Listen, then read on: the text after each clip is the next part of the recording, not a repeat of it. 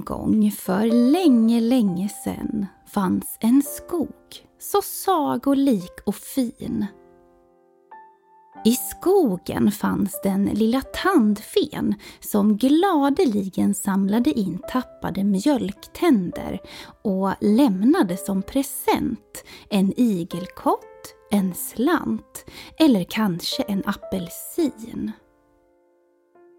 Trollpojken Sten ville så gärna veta vad tandfen gjorde av alla tänder som var små. I sagan du nu ska få höra kanske även du får reda på det. Och vad jag vet så är denna saga inte alls hittepå. En tidig morgon vaknade trollpojken Sten och kände direkt att något var annorlunda i munnen hans. Han kände efter med fingret. Alla tänder satt fast, förutom en som var helt ur balans. Han väckte sin stora syster Flisa för att tala om att han äntligen fått en lös tand som han så länge gått och väntat på. Flisa sken upp. Jag vet ett sätt vi kan få ut den på! Nej förresten, sa hon. Jag vet två! Hon sprang och hämtade sytråd och band fast den runt den lösa tanden. Och sen drog hon allt vad hon kunde och Sten skrek så att han nästan hade sönder stämbanden. Mamma kom inspringandes i rummet och sa men Felisa, du gör väl inte illa din lillebror va? Nej, sa Felisa och tänkte det sättet var väl kanske inte det bästa. Men man måste väl ändå få testa. Mamma lämnade rummet och Sten sa då Testa en gång till Flisa. Nu tror jag att det kommer gå. Och nu tog Flisa i för kung och fosterland. Och vet du? Hon lyckades rycka ut hans lösa tand. Äntligen! Stens första tappade tand. Han synade den noga där den nu låg i hans hand. Vad gör jag med den här nu då? Frågade Sten. Jo, sa Flisa. Nu måste du lägga den i ett glas och invänta tandfen. I din värld kanske tandfen lägger en peng i glaset när hon tanden fått. Men inte i sagoskogen. En gång hittade Flisa i sitt glas när hon vaknade en pytteliten igelkott. I sagoskogen får man nämligen av tandfen alltid olika saker och ting. På så vis blir det liksom alltid en överraskning. Vad ska hon med tanden till? frågade Sten. Jag vet faktiskt inte, svarade Flisa. Men vi kan väl fråga tandfen? Hon fortsatte.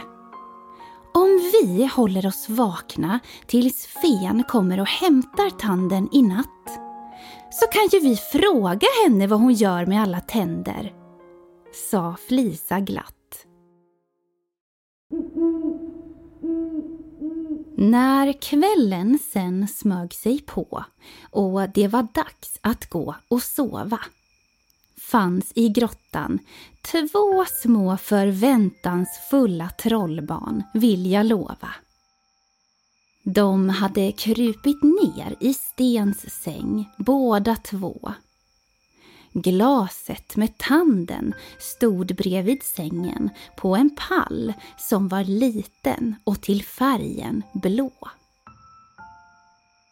Timmarna gick och barnens ögonlock blev tyngre och tyngre för varje minut. Nu var sömnen nära. Men så hördes plötsligt ett dovt tut. Utanför fönstret kom en liten bil flygandes förbi med den lilla tandfen sittandes inuti. Bilen var inte större än en kexchoklad och i baksätet låg några presenter fint på rad. Bilen gnistrade av små stjärnor och trolleri. Och plötsligt flög den rakt genom grottans fönster utan att fönsterrutan krossades. Vilken magi! Sen stannade bilen på golvet precis bredvid den lilla blå pallen. Tandfen flög snabbt ut ur bilen, hämtade tanden och körde sedan ut i hallen. I glaset hade hon lämnat en av presenterna hon hade i baksätet i bilen. Hon var otroligt snabb den här lilla fen. Rena rama missilen. Sten och Flisa hann inte ens säga hej. Vänta! ropade Sten och sprang efter bilen. Jag skulle ju fråga dig en grej!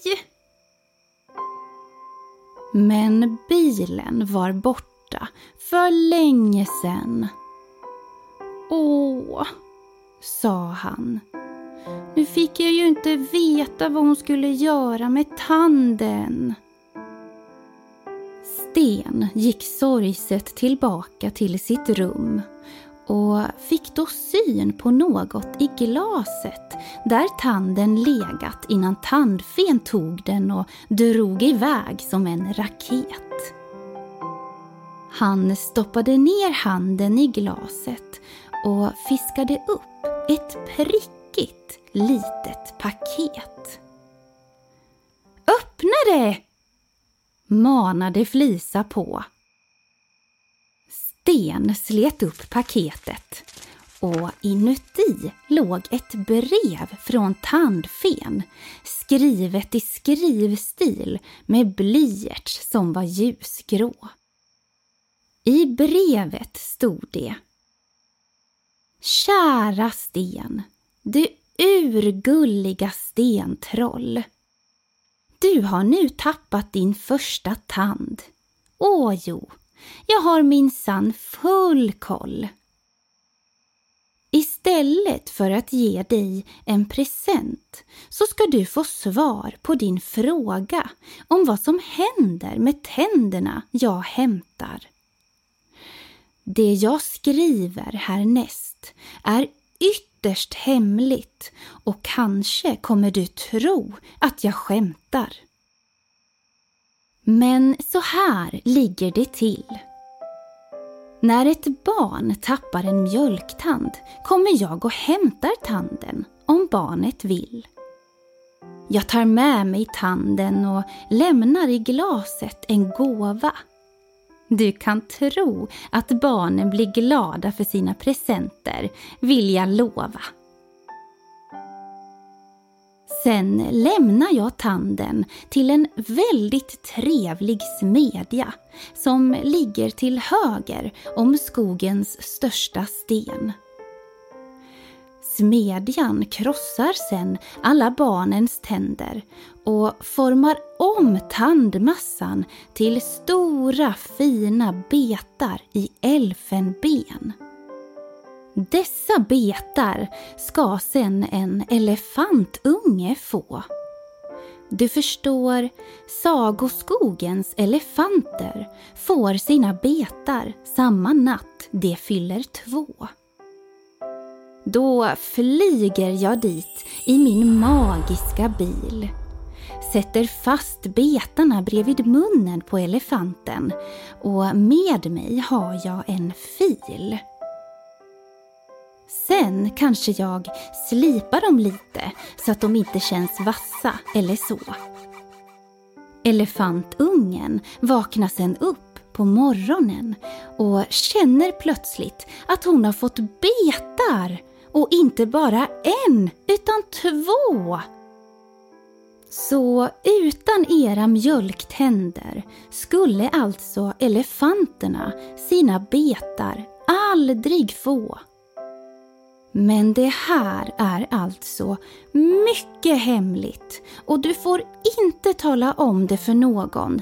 Det måste du förstå.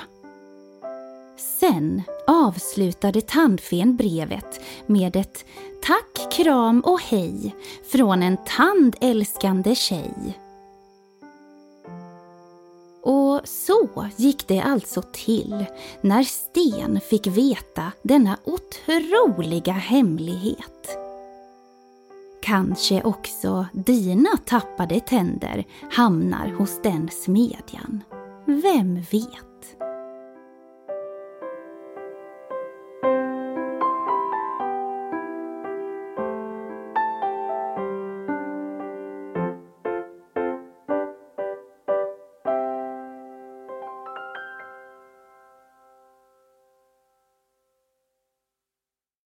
Ni har lyssnat på Sagoskogen. Skriven och producerad av Johanna Blomgren och Henrik Nordgren.